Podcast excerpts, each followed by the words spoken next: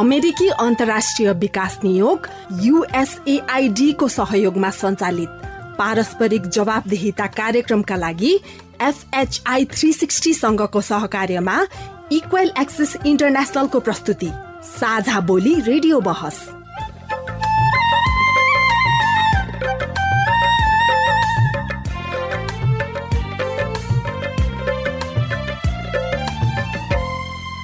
नमस्कार साझावली रेडियो बसमा तपाईँलाई हार्दिक स्वागत छ। म नरेन्द्र ढकाल। साझावली रेडियो बसमा हामी नागरिक समाज आम सञ्चार माध्यम र सार्वजनिक निकाय बीचको पारस्परिक जवाबदेहिता र आपसी दिगो सम्बन्धका विषयमा बहस गर्छौँ।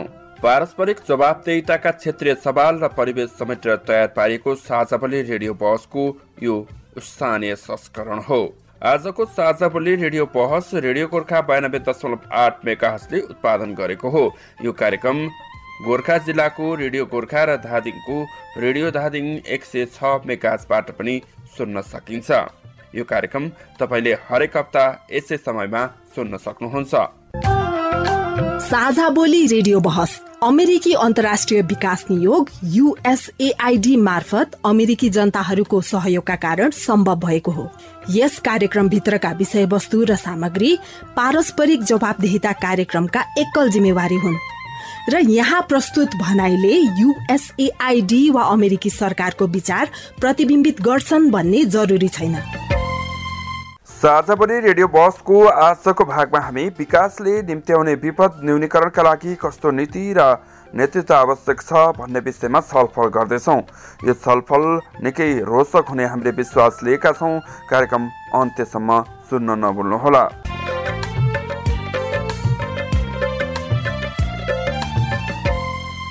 विकाससँगै विपद पनि। कति कुरामा चाहिँ कस्तो हुन्छ भने डेढ लाखका काम हुन्छन् त्यसमा चाहिँ सबै क्षेत्रलाई समेट्न चाहिँ सकेको अवस्था छैन। सबै स्थानीय तहहरूको सम्भवतः यस्तै यस्तै देखिन्छन्। विकासले निम्त्याउने विपद रोक्न कस्तो नीति र नेतृत्व आवश्यक छ त?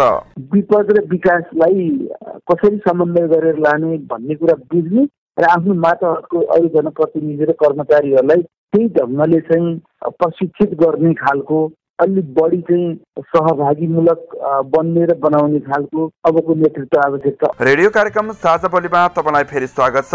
विकासले निम्त्याउने विपद न्यूनीकरणका लागि कस्तो नीति र नेतृत्व आवश्यक छ भन्ने विषयमा छलफल गर्न गोर्खा नगरपालिकाका इन्जिनियर प्रकाश ढकाल र विपद व्यवस्थापनका जानकार एवं नागरिक समाजका प्रतिनिधि माधव ढकाल कार्यक्रममा उपस्थित भइसक्नु भएको छ।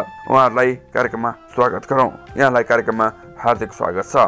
धन्यवाद। धन्यवाद। अहिले स्थानीय तहको प्रमुख काम कच्ची सडक खन्ने जस्तो देखिन्छ। जथाभावी सडक निर्माण गर्ने वा बिना अध्ययन विकास निर्माणका काम अगाडि बढाउने परिपाटीले विपदका घटना बढी हुने गरेको सरोकारवालाहरू बताउँछन्। स्थानीय तहको पहिलो कार्यकाल नीति बनाउन र यो विषयमा सामान्य धारणा निर्माण गर्न सफल भएको देखिन्छ। अधिकांश स्थानीय तहले विपद व्यवस्थापनका सन्दर्भमा केही काम त सुरु गरेका छन् तर विकासले निम्त्याउने विपदतर्फ उनीहरूको ध्यान धेरै गएको देखिँदैन। अब फेरि स्थानीय निर्वाचन हुँदैछ। विकास र विपद दुईवटैलाई बुझेको नेतृत्व स्थानीय तहमा आवश्यक देखिन्छ। त्यसको लागि कस्तो नीति र नेतृत्व आवश्यक छ त? आउनुहोस् आजको कार्यक्रममा छलफल गरौँ। कार्यक्रम रोचक हुनेछ। अन्तिमसम्म सुन्न नभुल्नुहोला।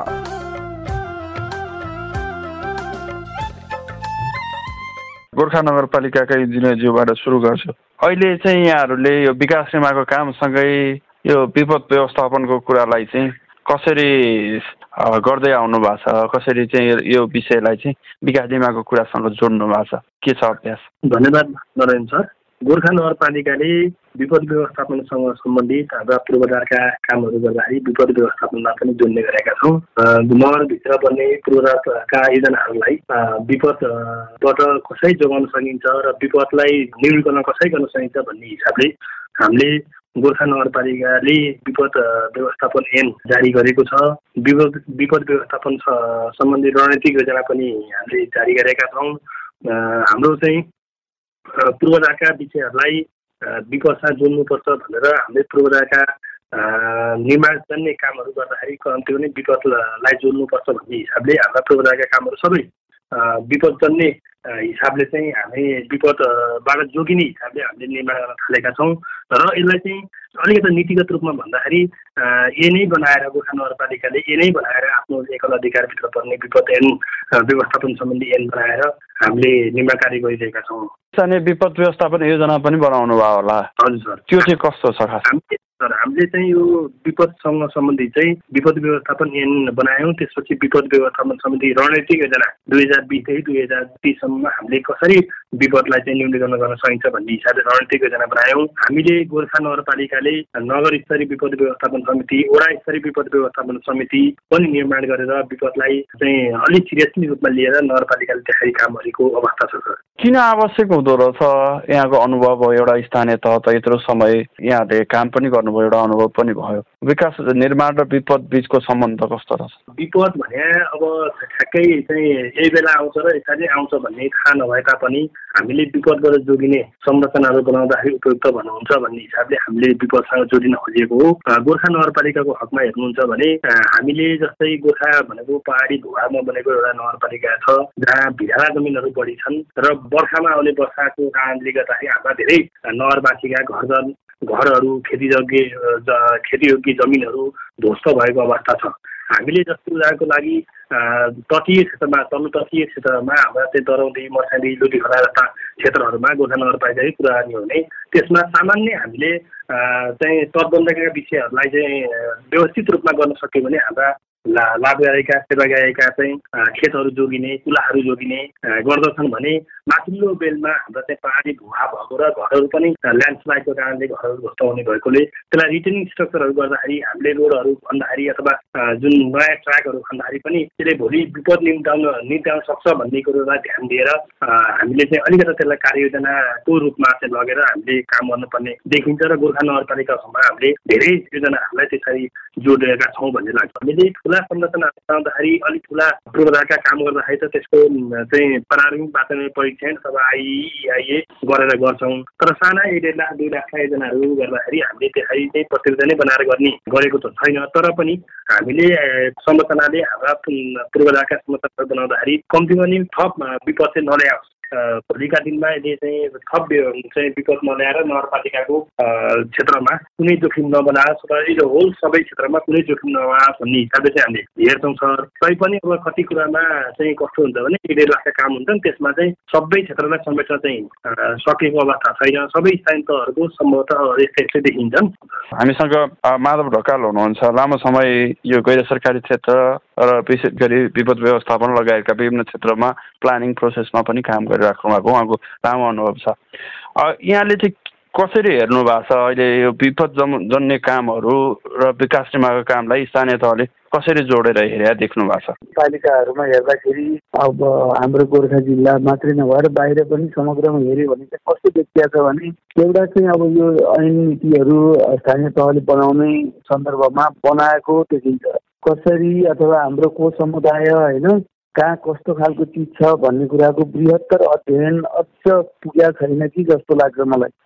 एउटा फर्मेटमा बसेर हामीले काम गर्नुपर्ने अथवा कतिपय कुराहरूमा चाहिँ भनेको तयारी भएको फर्मेटमा चाहिँ काम भएको छ योजनाहरू बनाएको छ। ठ्याक्कै व्यवहारमा चाहिँ हुन सकेको छैन। अब व्यवहारिक पाटो अझ अलग छ। अहिले तर योजना तर्जुमा गर्दा नै पनि कति सङ्कटासम्म हो कुन क्षेत्र हाम्रो पालिकाभित्र कुन क्षेत्र कति सङ्कटासम्म भन्ने कुराको हामीले के हुन्छ नि विस्तृत रूपमा अध्ययन गर्न सकेर त्यसलाई चाहिँ योजनामा ल्याउन सकियो भने धेरै नजिक पुगिन्छ हामी र त्यहाँको समुदायले पनि त्यसलाई अझ बढी अपनत्व ग्रहण गर्छ र होइन यो रहेछ हाम्रा क्रियाकलापले पो यस्तो पार्ने रहेछ त न कि यो पुरै प्राकृतिक मात्रै होइन रहेछ।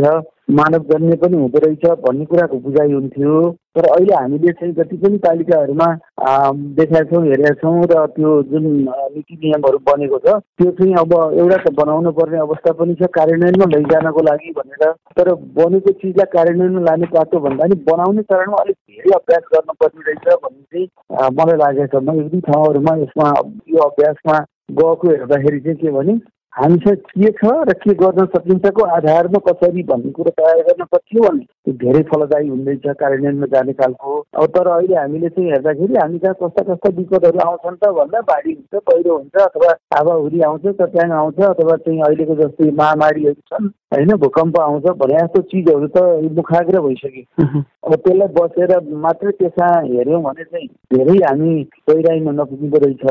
अब समुदायमा चाहिँ कुन गतिमा विपदहरू आइरहेको छ कति अन्तरालमा आइरहेको छ त्यसको कस्तो प्रभावहरू छ त्यसले कसलाई प्रभाव पारेको छ भन्ने कुरामा चाहिँ समुदायलाई अझ बढी अभ्यस्त गराउने अझ बढी जानकारी गराउन सकियो भने अहिले हाम्रो जति पनि पालिकामा बनेको योजनाहरू नीतिहरू छ नि विपद सम्बन्धी त्यसको राम्रो नतिजाहरू आउँछ त्यसको कार्यान्वयनबाट। अर्को पाटो भने चाहिँ नीति बनेका छन् तर यसलाई कार्यान्वयन गर्ने चरणमा हामीले वार्षिक रूपमा जुन योजनाहरू तर्जुमा गर्छौँ फेरि योजना तर्जुमा गर्ने प्रक्रियामा यो हामीसँग भएको नीतिलाई बिर्सेर समुदायले पनि अलिकति बढी चाहिँ पूर्वाधारतिर रकमहरू चाहियो भनेर माग्ने खालको जनप्रतिनिधिहरूले पनि आफ्नो कार्यकालभित्र यसो गर्न सक्ने यसरी जान सक्नु भन्ने खालको पूर्वाधारतिरै अलिक बढी त्यसमा पनि सडक बनाउने कुराहरू होइन? त्यतातिर बढी जाने तर यता डकुमेन्ट एकातिर छ हाम्रो रणनीतिक योजना एकातिर अनि त्यसलाई चाहिँ आवधिक रूपमा छुट्याएर वार्षिक रूपमा यो गर्ने भनेर पनि बनाइएको छ। कार्यान्वयनको चरणमा फेरि त्यसलाई राम्रोसँग नहेरिकन नजोडिकन बनाउने कुराहरू उतातिर भइराख्ने त्यस्तो खालको पनि भइरह्यो। मुख्य गरेर केही ठुला पूर्वाधारका योजनाहरूमा चाहिँ वातावरणीय प्रभावहरूलाई पनि हेर्ने र विपदको पाटोलाई अलिकति बढी संवेदनशील भएर हेर्ने देखिन्छ। तर कार्यान्वयनको पाटोमा अझ बढी ध्यान दिनुपर्ने छ त्योभन्दा अगाडि नै मलाई चाहिँ के लाग्छ भने हाम्रो विपदको पूर्व तयारी नै कमजोर छ र पूर्व तयारीमा जति समुदायलाई संलग्न गराउनु पर्थ्यो समुदायलाई जानकारी दिनु पर्थ्यो उनीहरूलाई सचेत बनाउनु पर्थ्यो त्यो पाटोमा चाहिँ हाम्रो अझ बढी काम गर्नुपर्छ हामी स्थानीय तहमा जस्तो लाग्छ। भनेको नीति र काम चाहिँ बिचको तादम्यता पहिल्याउन सकिया छैन अहिले चाहिँ। हो त्यहाँनिर अलिकति बढी अभ्यास गर्नुपर्छ किनभने नीति चाहिँ अहिले बनाउनु पर्ने पनि भएर बन्यो। तर त्यसलाई कार्यान्वयनमा जाने चरणमा चाहिँ जुन हामीले अब योजनाहरू बनाउँछौँ नि त्यो बनाउँदाखेरि जस्तो त्यो जस्तो खानेपानी योजनामा हो भने विपदका के के कुराहरूलाई ख्याल गर्नुपर्छ? अथवा कृषि पशु होइन त्यो पालन त्यतातिर व्यवसायमा हो भने के कुरालाई हेर्ने होइन? मुख्य गरेर यो चाहिँ जोखिम सुशासनको पाटोलाई हेर्ने अथवा चाहिँ जोखिमलाई हस्तान्तरण गर्ने होइन? त्यो पाटोहरूमा ख्याल नगरिकन हामीले चाहिँ कतिपय अनुदानहरू वितरण गर्ने अथवा कार्यक्रमहरू गर्ने समुदायले माग्यो दियौँ भने जस्तो पाटोबाट काम गर्दाखेरि चाहिँ योजना एकातिर कार्यक्रमहरू चाहिँ अर्कोतिर जान्छ। बजेट त खर्च हुन्छ तर त्यो त्यसले ल्याउने नतिजा चाहिँ विपदमुखी नभएर अब त्यो उयो हामीले जीवन निर्वाहको लागि खेती गरेको जस्तो मात्रै हुन्छ। उत्पादन लिएर परिणाममुखी बनाउनलाई अलिक धेरै कसरत गर्नुपर्छ भन्छौँ नि विपदको पाटोमा नि त्यही हुन्छ। त्यो सिप र ज्यान लोकलाइज हुँदैन। लोकलाइज भन्नुको मतलब समुदाय स्तरमा जाँदैन। त्यो चाहिँ हाम्रो नीतिमा कागजमा चाहिँ बस्छ। जसले गर्दाखेरि जबसम्म चाहिँ स्थानीयकरण बनाउन सकि गर्न सकिँदैन तबसम्म चाहिँ त्यो तालमेलमा अन्तर रहिरहेको छ यो पहिलो खण्डको छलफललाई आधार बनाउँदाखेरि हाम्रो अहिलेको अभ्यास चाहिँ नीतिगत रूपमा केही काम भएको छन् केही ठुला कामहरूमा केही प्रयासहरू भएको छन् तर जे हुनुपर्ने गरी कामहरू चाहिँ हुन सकेका छैन भन्ने खालको निष्कर्षमा पुग्न सक्छौँ। त्यसमा अलिकति बढी जोड दिनुपर्छ। अब ठ्याक्कै गर्दै गरेका छैनौँ भन्दा पनि अबको हाम्रो मुख्य हेराइ चाहिँ नीतिलाई कार्यान्वयन गर्दाखेरि कुन कुन क्षेत्र हो नि कुन क्षेत्र हो र त्यसमा के कसरी जाने कि सबैतिर एउटै खालको चाहिँ अवस्था हुँदैन होइन? त्यसले गर्दाखेरि विपदलाई हेर्ने दृष्टिकोण नै क्षेत्रगत हुनुपर्छ क्या कतिपय कुराहरूमा। त्यो भयो भने चाहिँ हामीले धेरै परिणाम ल्याउन सक्छौँ। त्यहाँनिर अलिकति बढी हाम्रो गहनता अलिक बढी गहिरो गरी विश्लेषण त्यो खालको ज्ञान सिप चाहिन्छ तपाईँ अहिले पारस्परिक जवाबदेता प्रबन्धनका लागि साझा रेडियो बहस सुन्दै हुनुहुन्छ। आजको कार्यक्रममा हामी विकासले निम्ति आउने विपद न्यूनीकरणका लागि कस्तो नीति र नेतृत्व आवश्यक छ त भन्ने विषयमा छलफल गर्दैछौँ। कुराकानीका लागि हामीसँग हुनुहुन्छ गोर्खा नगरपालिकाका इन्जिनियर प्रकाश ढकाल र विपद व्यवस्थापनका जानकार एवं नागरिक समाजका प्रतिनिधि माधव ढकाल।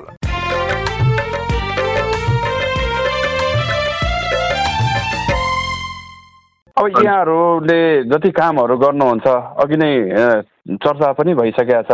योजनाहरू आउँछन् जताततै कामहरू हेर्दा बाटो खन्ने पूर्वाधारका कामहरू बढी हुनेछ हुने गरेका छ। साना टुक्रे योजनाहरू हुन्छन् जहाँ चाहिँ पूर्व योजना विपद व्यवस्थापनका हिसाबले गर्नुपर्ने तयारी लगायतका कामहरू भए देखिँदैनन् जसका कारणले बनेका संरचनाले नै धेरै जोखिमहरू निम्ति आएको देखिन्छ। के हुँदो रहेछ ठ्याक्कै यहाँको अनुभवमा? किन चाहिँ यस्ता योजनाहरू बढी आउँछन्? यहाँहरू किन त्यस्ता योजनाहरूमा काम गर्न बाध्य हुनुहुन्छ? के छ यहाँको अनुभव? विपक्ष भनेको एउटा भेग प्रकृतिको कार्य भयो। हामी स्थानीय तहहरूमा अब जनप्रतिनिधिहरूलाई को ठुलो आकाङ्क्षा हुन्छ। हाम्रा लाभग्राहीहरूलाई सेवाग्राहीहरूलाई सबै धेरै संवेदना पाए हुन्छ भन्ने कुरो चाहिँ त्यो त स्वाभाविक पनि भयो। र हामीले विशेष त मालसले पनि भन्नुभयो हामीले बनाउने संरचनाहरू धेरै जसो अहिले पूर्वाधारका तर्फका योजनाहरूमा धेरै जसो योजनाहरू भनेका रोडमै गएको पैसा तहका पैसा धेरै जसो रोडमै गएको छ। रोडमा पनि धेरै जसो बाटो खन्नेहरूमा पक्की संरचनाहरूमा गएको अवस्था देखिन्छ। अब हामीले ठुला संरचना बनाउँदाखेरि अलिक ठुला पूर्वाधारका काम गर्दाखेरि त त्यसको चाहिँ प्रारम्भिक बाटो परीक्षण अथवा आइआइए गरेर गर्छौँ। तर साना एक डेढ लाख दुई लाखका योजनाहरू गर्दाखेरि हामीले त्यसलाई चाहिँ प्रतियोगिता नै बनाएर गर्ने गरेको त छैन। तर पनि हामीले संरचनाले हाम्रा पूर्वाधारका संरचनाहरू बनाउँदाखेरि कम्तीमा नि थप विपद चाहिँ नल्याओस्। भोलिका दिनमा यदि चाहिँ थप चाहिँ विपद नल्याएर नगरपालिकाको क्षेत्रमा कुनै जोखिम नबनाओस् र होल सबै क्षेत्रमा कुनै जोखिम नबनाओस् भन्ने हिसाबले चाहिँ हामीले हेर्छौँ सर। तैपनि अब कति कुरामा चाहिँ कस्तो हुन्छ भने एक डेढ लाखका काम हुन्छन् त्यसमा चाहिँ सबै क्षेत्रलाई समेट्न चाहिँ सकेको अवस्था छैन। सबै स्थानीय तहहरूको सम्भवतः यस्तै यस्तै देखिन्छन्। ठ्याक्कै अब यहाँले भनेको कुरा अब जस्तो बाटो खन्दाखेरि अब मुख्य राजमार्ग मुख्य बाटोहरूलाई बाटो सहायक बाटाहरू खन्दाखेरि त्यही बाटो पहिरेर a राजमार्गहरू अवरुद्ध हुने खोला नालामा बाढी आउने कुलोहरू खन्दाखेरि खेत पुरिने लगायतका यस्ता समस्याहरू चाहिँ एकदम धेरै भएको देखिँदो रहेछ किन हुन्छ यो चाहिँ खास? यो चाहिँ कस्तो हुने अव्यवस्थित रूपमा बाटोहरू चाहिँ सञ्चालन भए हाम्रो आवश्यकता भन्दा पनि अव्यवस्थित रूपमा सञ्चालन गर्न खोज्यो खन्ने मात्रै काम गरियो बाटोको नयाँ ट्र्याक मात्रै खन्यो र त्यो खनेको जुन बाटाहरू हुन्छन् अथवा चाहिँ ढुङ्गाहरू इँटाहरू त्यहाँ आउने कुराहरू त्यो जुन खन्दाखेरि आएका वस्तुलाई जहाँ खन्यो त्यहीँ छोडिदिने र असारमा पानी आउँछ त्यो असारको पानी आएपछि खोलामा खल्सामा जाने र त्यो ठुलो भुलमा गइसकेपछि त्यसले चाहिँ विपद निम्ताउने देखिएको छ। त्यसलाई न्यूनीकरण गर्नलाई नगरपालिकाको हकमा हाम्रो गोर्खा नगरपालिका हकमा हेर्नुहुन्छ भने हामीले अहिले यो वर्षदेखि नयाँ ट्र्याक चाहिँ नखन्ने भनेर कार्यपालिकाबाटै डिसिजन गराएर गराएका छौँ। हामीले चाहिँ अहिले अघिल्लो वर्षहरूमा अघिल्लो अघिल्ला वर्षमा खनेका सडकलाई स्तरवृद्धि गर्ने थप चाहिँ नयाँ ट्र्याकहरूको चाहिँ आवश्यकता पहिचान भए मात्र खन्यौँ तर त्यसलाई अव्यवस्थित तरिकाले नखन्ने भनेर गऱ्यौँ। तर स्थानीय तहको सबैको नगरपालिकाको मात्र हिसाब नभइकन स्थानीय तहहरूमा सबैमा हेर्दाखेरि हाम्रो चाहिँ अब अलि अव्यवस्थित रूपमा हामीले खन्यौँ र गऱ्यौँ र त्यसलाई विपदमा जोड्न सकेन भने अलिकति विपद निम्ति आएको अवस्था पनि देखिन्छ सर। यो चाहिँ समग्र सबैका चाहिँ समस्या भए अब मैले अलिकति बाध्यताको कुरा गरिरहेको थिएँ। ठ्याक्कै अब यहाँ त कर्मचारी हुनुहुन्छ अब जनप्रतिनिधिसँग पनि हामी यस्ता प्रश्नहरू सोधिरहेछौँ। किन चाहिँ त्यो काम गर्न चाहिँ बाध्य हुन्छ नगरपालिका अथवा स्थानीय तह चाहिँ? जहाँ चाहिँ जोखिम छ यसले चाहिँ जोखिम निम्ति आउँछ भन्दै गर्दा पनि काम गर्नुपर्ने अथवा काम भइरहेका अवस्थाहरू देखिँदो रहेछ आवश्यकता महसुस गर्छन् मैले फिल गरेको चाहिँ भूकम्पपछि नयाँ ट्र्याकहरू धेरै खनिएको छ। त्यो खन्दाखेरि अलिकति अव्यवस्थित रूपमा खनियो कि अलि चाहिँ हाम्रो ग्रेडिङहरू नमिलाइ खनियो कि भन्ने मलाई पनि लाग्छ होइन सर। त्यसमा चाहिँ भूकम्प गइसकेपछि नगरपालिकाभित्रकै हिसाबमा कुरा गर्ने धेरै संरचनाहरू बने। माल मेट्रियललाई जस्तो पनि अब चाहिँ घर जहाँ बनिएको छ त्यहीँ लानु पर्ने। जहाँ दुईवटा घर चारवटा घर पाँचवटा घर छ भने पनि त्यहाँ रोडै चाहिने। र चाहिँ उहाँहरूको घरमै रोड जानुपर्ने भन्ने एउटा चाहिँ मानसिकता हाबी भएर पनि अलिकता चाहिँ अव्यवस्थित जस्तो देखिएको हो। र यसलाई कन्ट्रोल गर्नको लागि हामीले रणनीतिक योजना बनाएर कति कति क्षेत्रमा कुन सडकलाई चाहिँ कुन वर्गमा राखेर क्याटेगराइज गरेर कुन सडक चाहिँ आवश्यकता हो त्यसलाई पहिचान गरेर मात्र बजेट एलोकेसन गर्न सक्ने बजेट गर्न सक्ने र स्तरोन्नतिको बाटोमा लान सक्ने भने धेरै हदसम्म हामीले चाहिँ यो विपदमा जोड्न सकिन्छ भन्ने नै लाग्छ अब उहाँले कुरा गर्नुभयो यो अहिले खोला नालामा जताततै बाढी आउने खेतबारीहरू पुर्ने लगायतका कुराहरू चाहिँ यो विकास सीमाका कामहरूसँग जोडिएर आयो भन्ने खालको एउटा चिन्ता चासोको कुरा पनि हुँदो रहेछ। यो सरकारवालाले यो चिन्ता पनि व्यक्त गर्ने गर्नुभएको छ। के खास यो विकास र त्यो कुराको सम्बन्ध चाहिँ कस्तो छ? एकदम अब केही कुराहरू चाहिँ सिकाइले पनि दिन्छ। आगामी अगाडि कसरी बढ्ने भन्नको लागि हिजोको विगतलाई सम्झेर त्यसमा भएको केही हामीले गर्न नसकिएको चिजहरूलाई सिकाइको रूपमा लिएर अगाडि जान जाँदा राम्रो हुन्छ जान सकिन्छ भन्ने नै हो। मुख्य गरेर यो अहिले सडकको कुरा आयो होइन? सडकमा चाहिँ अब हामीले त्यसले एक त अब यो अघि नै सडक खन्दा नै अलिक छरपष्ट रूपमै खनियो गाडा पुरै भत्काइयो भन्ने नै आयो होइन? हाम्रो पहाडी क्षेत्र एक त धरातलीय स्वरूपले पनि भिरालो दोस्रो भनेको अलिकति काँचो खालको अलिकति कमजोर खालको पहाड हो कि? जहाँ चाहिँ अब यो सामान्य हामीले डोजर लगाएर अथवा चाहिँ त्यो त्यो अरू अरू खालको मेसिनहरू प्रयोग गरेर बाटो खन्छौँ। त्यो खन्ने बित्तिकै बाहिरी बाहिरी भाग त यसै पनि कमजोर भयो। त्यसले अझै धेरै तल माथिको भागहरू होइन भित्रको भागहरूलाई पनि असर गरे हुँदो रहेछ। एउटा यो बाटो दोस्रो बाटो भने चाहिँ नाला नबनाइकन सडक मात्रै खन्यो। अर्को त्यसले ल्याउने निम्त्याउने भनौँ न त्यो अर्को विपद निम्त्याउने अवस्था। तेस्रो माटो जुन जग्गाले माटो फाल्छ त्यो फालेको माटो चाहिँ तलको जमिन कतिको थेग्न सक्ने खालको छ भन्ने नभइकन जहाँ पाए त्यहीँ फालिएको भएन हुँदा त्यो माटो थेग्न नसकेर बर्खाको बेलामा त्यसले चिप्लिएर जाने अरू ठुलो तल तल्लो क्षेत्रलाई ठुलो असर गर्ने। अनि अर्को बाटो भनेको चाहिँ नाला बनाए तापनि त्यो फाल्ने भनेको खोला खोल्सीहरू पर्या ठाउँतिरै लगेर फालिदिने जहाँनिर चाहिँ त्यसले कति थेग्न सक्छ भन्ने नभइकन यो खोल्सी पर्या ठाउँ हो फालिदिने। पानी यहाँ ल्याएर भन्दा ठुलो क्षेत्रको पानी नालाबाट बगेर आएर एकै ठाउँबाट जाने। तर त्यो जाने ठाउँमा पनि अलिक तलसम्म त्यसलाई छेकबाद गर्ने नभइकन पानी फाल्ने। अब हामीसँग स्रोतको कारणले होला अथवा अरू थुप्रै कुराहरूले असर गरे होला। त्यो हुँदाखेरि चाहिँ झन् ठुलो विपदहरू निम्तिरहेछ यहाँनिर के भन्न खोजेको भने विकास त आवश्यक छ तर विकासले त्यो त्यो खालको चाहिँ विपदजन्य विनाश नल्याउने गरी कसरी गर्न सकिन्छ भन्ने पाटोतिर नै अझ बढी ठ्याक्कै मैले यहीँ जोडिरहेको थिएँ। अब जस्तो बाटो खन्नमा पनि पैसा खर्च भइरहेछ नदी नियन्त्रणका लागि पनि उत्तिकै पैसा खर्च गर्नु परेको छ। एकदम एकदम। अब त नदी नियन्त्रण भन्दा पनि अब हाम्रो खोला खोल्सी नै अलिक ठुलो खालको गल्छीमा बढेर जाने अब खाडी बन्ने त्यो खालको अवस्थाहरू छ कि पहाडी क्षेत्रमा त? त्यो नदी बन्ने त त्यहाँ भएन त तल नदीलाई पनि असर गर्ने र त्योभन्दा पहिला त माथिकै भागमा तटबन्ध गर्न सकिने हुन्न। खाडीको रूपमा पहिरोको रूपमै जान्छ छेकबाद गर्ने खेतमा पनि ठुल्ठुलो संरचना निर्माण गरेर गर्न नसकिने भोलि त्यो नै लो त्यो भार तान्न नसकेर त्यसले नै बढी क्षति गर्ने यस्तो खालको चिजहरू छ। त्यसैले अब अलिकति बढी चाहिँ हामीले पूर्वाधारको कामहरू गर्दाखेरि हाम्रो यो जमिनको अवस्थालाई ख्याल गर्ने त्यो भएर अलि बढी भौगोलिक किसिमले पनि अध्ययन गर्नुपर्छ कि यस्ता कुरामा भन्ने रहेछ। तर हामी कहाँ त्यति धेरै त्यो ज्ञानसिप लगाएर धेरै गर्न सकिने अवस्थाहरू अहिले नदेखिएको त्यो हाम्रो अब आन्तरिक क्षमता नभएको कारणले पनि होला होइन? हामीले सामान्य अहिले प्रकाश सरले पनि भन्नुभयो हामी केही कुराहरू त गरिरहेका छौँ तर धेरै कुराहरू अपुग छन् जुन चिजमा हामीले सामान्य त थोरै पैसा त हो नि भनेर हेऱ्यौँ। अब त्यसले सामान्य चाहिँ मर्मत सम्भारका कामहरू अथवा सानोतिनो कामहरू त भयो तर त्यसले ल्याउने प्रभाव चाहिँ त्यो सानो नभए धेरै ठुल्ठुलो असरहरू गरिरहेको छ। त्यहाँनिर चाहिँ हामी अलिक चिप्लेकै हौँ कि अब हाम्रो काम गर्ने तौ तरिकामा जस्तो लाग्छ। त्यसैले विकास आवश्यक छ तर त्यसको त्यो त्योभन्दा अगाडि त्यसलाई पूर्व तयार भएर यो यो गर्दाखेरि यसको नतिजा यो आउँछ। अथवा विपदजन्य ढङ्गबाट यो कुराहरू हुन सक्छन् भन्ने पाटोमा चाहिँ विपदको ज्ञान चाहिँ अलिक बढी चाहिन्छ हाम्रो समुदायमा पनि। जसले योजना माग गर्छ र हामी जो सेवा प्रदान गर्छौँ त्यहाँनिर पनि अलिक बढी संवेदनशीलता चाहिँ आवश्यक देखिन्छ कि अब हुन त यो अहिलेको अवस्था अलिक सिकाइको अवस्था हो। तर अब आगामी दिनमा अगाडि बढ्दा नि यसैलाई हामीले निरन्तरता दियौँ भने चाहिँ हामीले हाम्रो ठाउँको संरक्षण होइन अब त्यो भविष्यलाई धोका दिन्छौँ जस्तो लाग्छ मलाई चाहिँ। अहिलेसम्मको छलफललाई आधार बनाउँदा। नीति र व्यवहारका कुरालाई नै हामीले जोड दियौँ। है समस्याहरू छन्। यी समस्या समाधान गर्नको लागि सरकारवाला निकाय जो सेवाग्राही छ र सेवा प्रदायक छ दुवै जिम्मेवार हुनुपर्छ भन्ने खालको आशय यहाँहरूको रह्यो। तपाईँ अहिले पारस्परिक जवाबदेता प्रबन्धनका लागि साझा बोली रेडियो बहस सुन्दै हुनुहुन्छ। आजको कार्यक्रममा हामी विकासले निम्ति आउने विपद न्यूनीकरणका लागि कस्तो नीति र नेतृत्व आवश्यक छ त भन्ने विषयमा छलफल गर्दैछौँ। कुराकानीका लागि हामीसँग हुनुहुन्छ गोर्खा नगरपालिकाका इन्जिनियर प्रकाश ढकाल र विपद व्यवस्थापनका जानकार एवं नागरिक समाजका प्रतिनिधि माधव ढकाल। स्थानीय तहको नेतृत्व विपदबारे सचेत देखिन्छ उसले केही नीति नियम र अभ्यास पनि सुरु गरेको छ तर पर्याप्त भने छैन।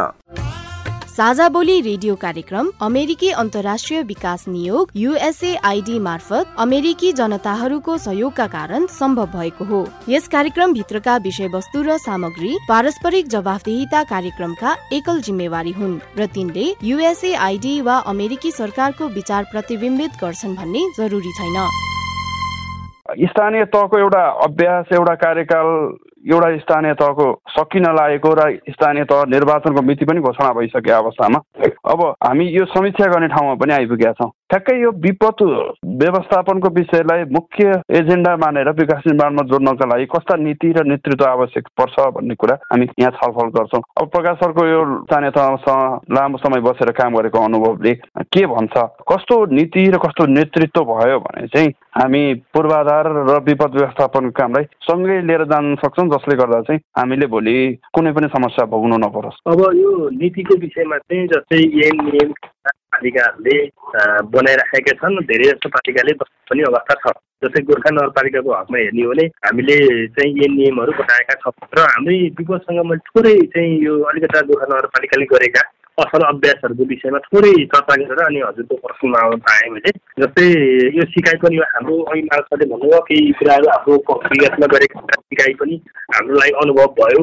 र भोलिका दिनमा त्यसलाई त्यो अनुभवलाई लिएर हामीले बनाउने नीति नियममा अनुभवलाई बढी समेटेर गर्न सक्यो भने त्यो अलि बढी चाहिँ व्यवहारिक रूपमा काम गर्न सजिलो हुन्छ कि भन्नेतिर पनि मलाई अलिक ध्यान बढी गएको जस्तो लाग्यो। र हामीले गोर्खा नगरपालिकाको हकमा हेऱ्यो भने पूर्व तयारीको रूपमा चाहिँ हामीले विपदलाई लिनुपर्छ र विपद गइसकेपछि मात्र हामीले चाहिँ हाम्रा निर्माणका कामहरू गर्ने होइन कि अथवा पूर्वाधारका अथवा अन्य सबै सबै संरचना निर्माण गर्दाखेरि विपद गइसकेपछि मात्रै गर्ने त्यसलाई अगाडि होइन कि त्योभन्दा अगाडि नै विपद जानुभन्दा अगाडि नै हामीले पूर्व तयारीहरू के कसरी गर्न सकिन्छ भनेर हामीले छलफल पनि गरेका थियौँ।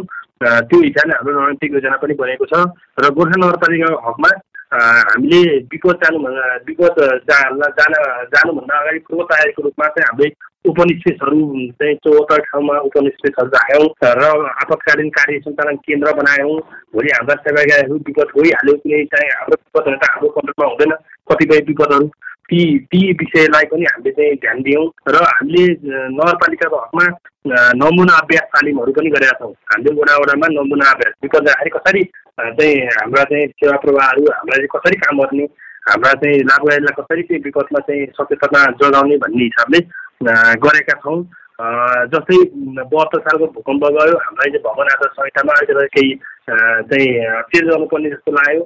र ओभरअल राष्ट्रले नै भवन आधार संहितालाई केही रिभाइज गरेर गोर्खा नगरपालिका पनि त्यो हिसाबले हामीले काम गर्न थाल्यौँ जोखिम संवेदनशील क्षेत्रहरूलाई पहिचान गर्ने कोसिस गऱ्यौँ जस्तै हाम्रा सेवा प्रवाहमा विपदसँग जोडिनलाई विभिन्न सामग्रीहरू किनेर हामीले हाम्रा सेवाहरूलाई त्यसलाई चाहिँ नमुनाको रूपमा चाहिँ प्रयोग पनि गऱ्यौँ तर यति गर्दा गर्दै पनि हामी पर्फेक्ट रूपमा तपाईँले भनेको कुरोमा संरचनागत रूपमा हेर्ने हो भने पूर्वाधारका संरचनाहरू बनाउँदाखेरि पर्फेक्टली सबै संरचनाहरू सबै संरचना निर्माण गर्दाखेरि चाहिँ विपदमा जोडिन सकेको अवस्था छैन अब अघि मानसले नि धेरै चाहिँ कुरा भन्नुभयो उहाँको कुरा पनि लिएर र एज अ होल नगरपालिकामा राम्रो समयसम्म मैले मेरो आफ्नो चाहिँ बसाइ भएको हुनाले यसमा मैले मैले देखेको चाहिँ हामीले गरेका साना चाहिँ पैसाहरू साना पूर्वतातर्फका योजनाहरू लगानी गरेर कुनै संरचनाहरू जोड्न खोजेको सर खास अहिले जुन नेतृत्वसँग यहाँले काम गरिराख्नु भएको छ यो पहिलो अनुभव पनि हो हामीले ऐनदेखि कुरा गरिरहेछौँ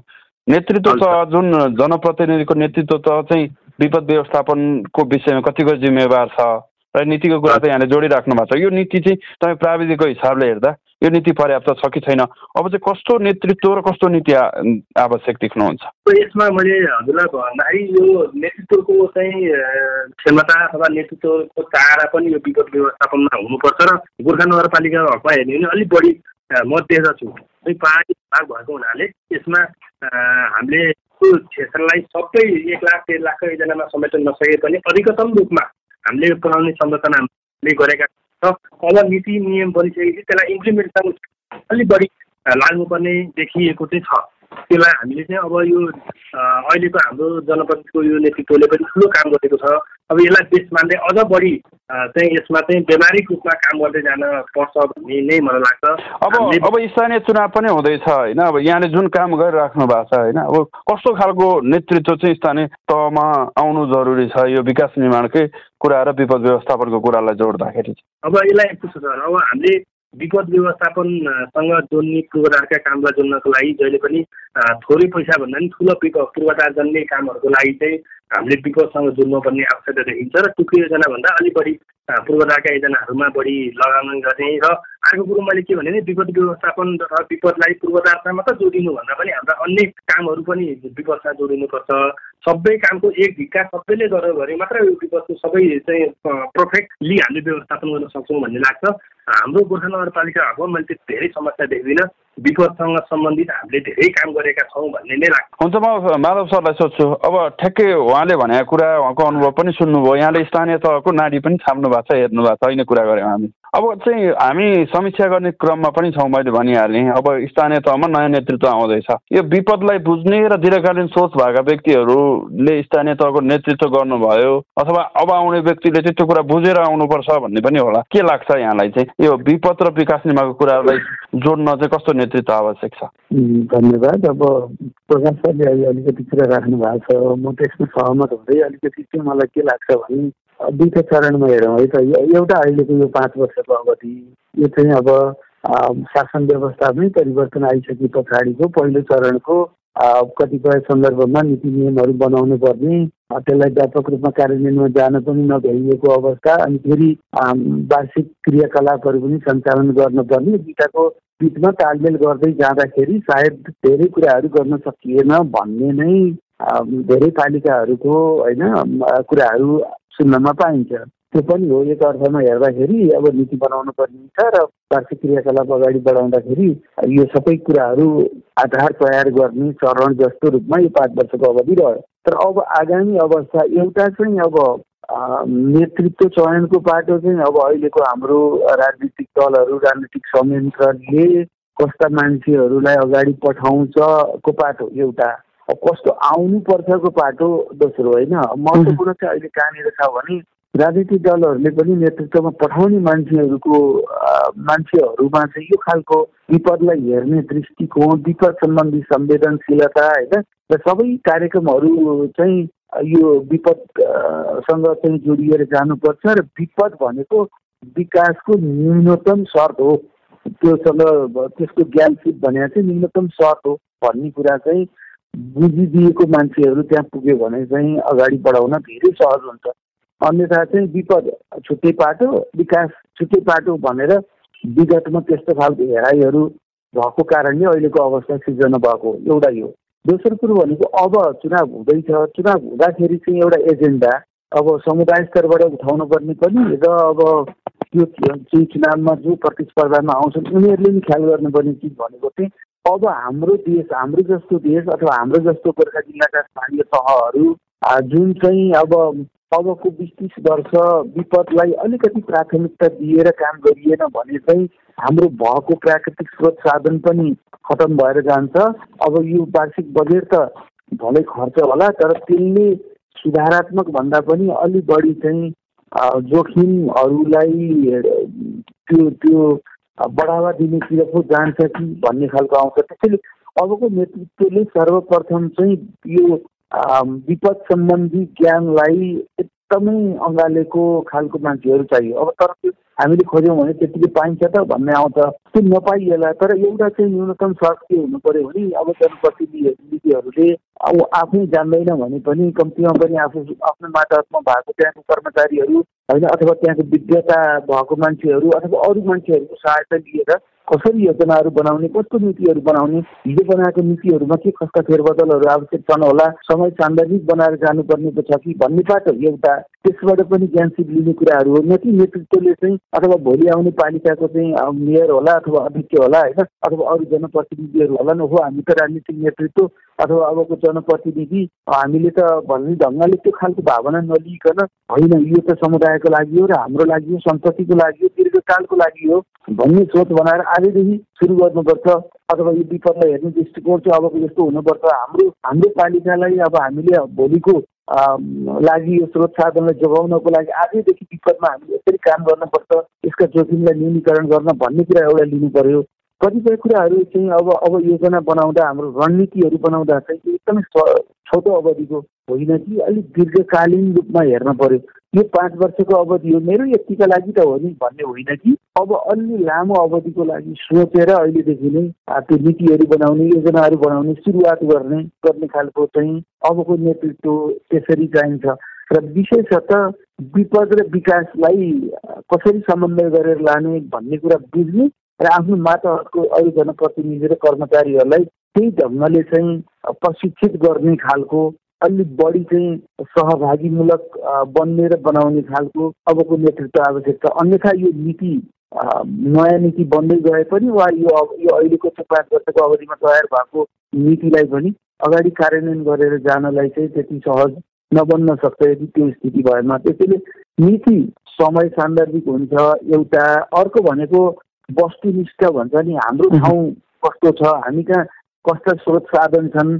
त्यसलाई संयोजन गरेर लाने खालको चाहिँ हाम्रो नीति रणनीतिहरू के हुने भन्ने हुनु पऱ्यो न कि कहिलेकाहीँ यो ब्ल्याङ्केट अप्रोच भन्छ नि अब अथवा ब्लु प्रिन्ट भने जस्तो काहीँको चिज ल्याएर ठ्याक्क हामी कहाँ हुन्छ भनेर राख्दा त्यो चाहिँ कार्यान्वयन नहोला त्यसले नतिजा राम्रो दिन सक्दैन। त्यसैले वस्तुनिष्ठ भएर र हामीले हाम्रो चाहिँ ज्ञानसिपलाई स्थानीयकरण गर्दै समुदायलाई पनि त्यो ढङ्गले सशक्त बनाउँदै अनि पालिकाले आफ्नो दीर्घकालीन एउटा चाहिँ रणनीति बनाएर कार्यान्वयनमै जानुपर्छ। त्यो चाहिँ एउटा अठोट भएको त्यो जोस जाँगर भएको अबको नेतृत्व आवश्यक छ। किनभने फाउन्डेसन तयार भएको छ। यसमा थप अब इँटा थप्दै जाने भन्छन् नि। त्यो कामको लागि चाहिँ हिजोको जगमा बसेर अबको नयाँ संरचनालाई अझै एउटा राम्रो रूपमा लैजाने र रूपान्तरण गर्ने खालको अबको आवश्यकता हो भन्ने लाग्छ मलाई तपाईँ अहिले पारस्परिक जवाबदेता प्रबन्धनका लागि साझा बोली रेडियो बहस सुन्दै हुनुहुन्छ। आजको कार्यक्रममा हामी विकासले निम्ति आउने विपद न्यूनीकरणका लागि कस्तो नीति र नेतृत्व आवश्यक छ त भन्ने विषयमा छलफल गर्दैछौँ। कुराकानीका लागि हामीसँग हुनुहुन्छ गोर्खा नगरपालिकाका इन्जिनियर प्रकाश ढकाल र विपद व्यवस्थापनका जानकार एवं नागरिक समाजका प्रतिनिधि माधव ढकाल। लक्ष्यमा पुग्न नीति योजना र काम गर्ने इच्छा शक्ति चाहिन्छ। जथाभावी विकास निर्माणको काम गर्ने र पछि विपदका घटनाले पछुताउनु भन्दा पहिले नै आवश्यक तयारी गर्नु राम्रो हुन्छ। त्यसैले बुझेर नीति बनाउने र कार्यान्वयनमा लैजाने सोच स्थानीय तहको नेतृत्वमा भयो भने समस्याको दीर्घकालीन समाधान निस्किनेछ।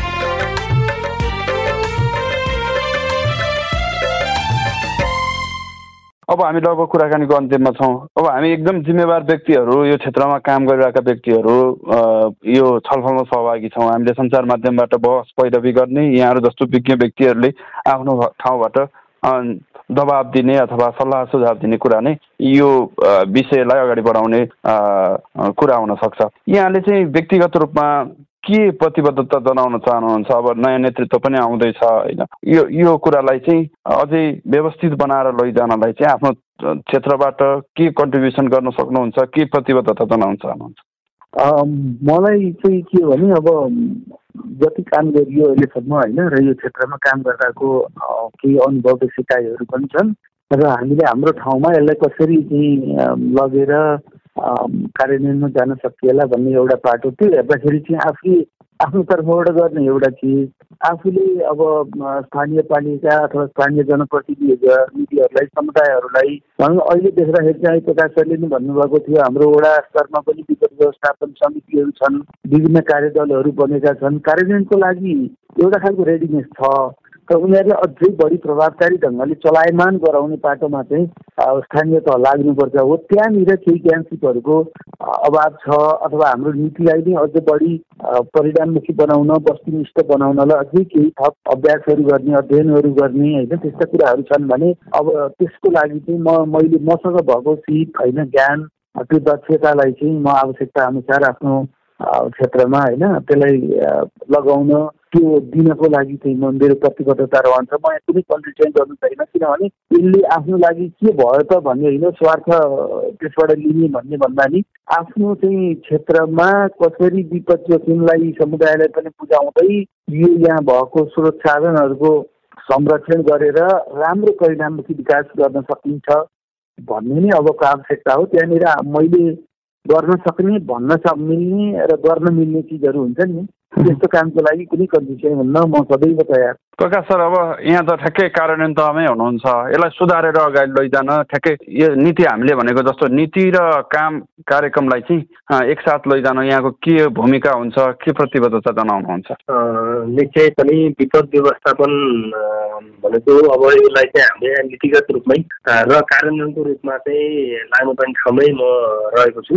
गोर्खा नगरपालिकाको हकमा हामीले नीति नियम बनाएका छौँ। त्यसलाई अझ परिमार्जित गर्दै त्यसलाई व्यवस्थित गर्दै हामीले हामीलाई बन्ने संरचनाहरूलाई विपदसँग जोडेर ठुला साना सबै संरचनाहरूलाई विगतसँग जोडेर विगतलाई कसरी न्यूनीकरण गर्न सकिन्छ भन्ने तर्फ मेरो ध्यान रहनेछ र यो कार्यान्वयनको सवालमा ठ्याक्कै कार्यान्वयन गर्ने व्यक्ति भएको हुनाले त्यहाँतिर मेरो चाहिँ पुरै ध्यान चाहिँ त्यसलाई रहनेछ र हामीले गोर्खा नगरपालिकाले बसेर संस्थाहरू विगतसँग जोडेर मात्र संरचनाहरू बनाउने प्रतिबद्धता जारी गर्छु। हस् यहाँहरूको महत्त्वपूर्ण समय र यो महत्त्वपूर्ण संवादका लागि यहाँहरू दुवैजनालाई धेरै धेरै धन्यवाद। हस् धन्यवाद। धन्यवाद। विपद विकासको कारण बन्नु हुँदैन यसलाई रोक्न आवश्यक नीति कार्यक्रम र योजना चाहिन्छ। उक्त योजना बनाउने र कार्यान्वयन गराउने नेतृत्व पनि जागरुक हुनुपर्छ। स्थानीय तहको नेतृत्वले विकास र विपद दुवै बुझेको हुनुपर्छ। आफ्नो भूगोल आवश्यकता जनताको चाहना समेतलाई ध्यानमा राखेर उचित योजना बनाएर मात्र विकास निर्माणका काम गर्नुपर्छ। आगामी वैशाख तिस गति स्थानीय निर्वाचन हुँदैछ। अबको स्थानीय नेतृत्व विकाससँगै विपदका बारेमा पनि उत्तिकै सचेत र जिम्मेवार बन्नु आवश्यक छ। जनतालाई विकासका योजना र प्रतिबद्धताहरू दिइरहँदा त्यसबाट आउन सक्ने समस्याबारे पनि आकलन गरी न्यूनीकरण गर्न सक्ने व्यक्ति स्थानीय तहको नेतृत्वमा आउनु जरुरी छ। त्यसले आवश्यक परे नीति समेत परिमार्जन गर्न पहल गर्नुपर्छ।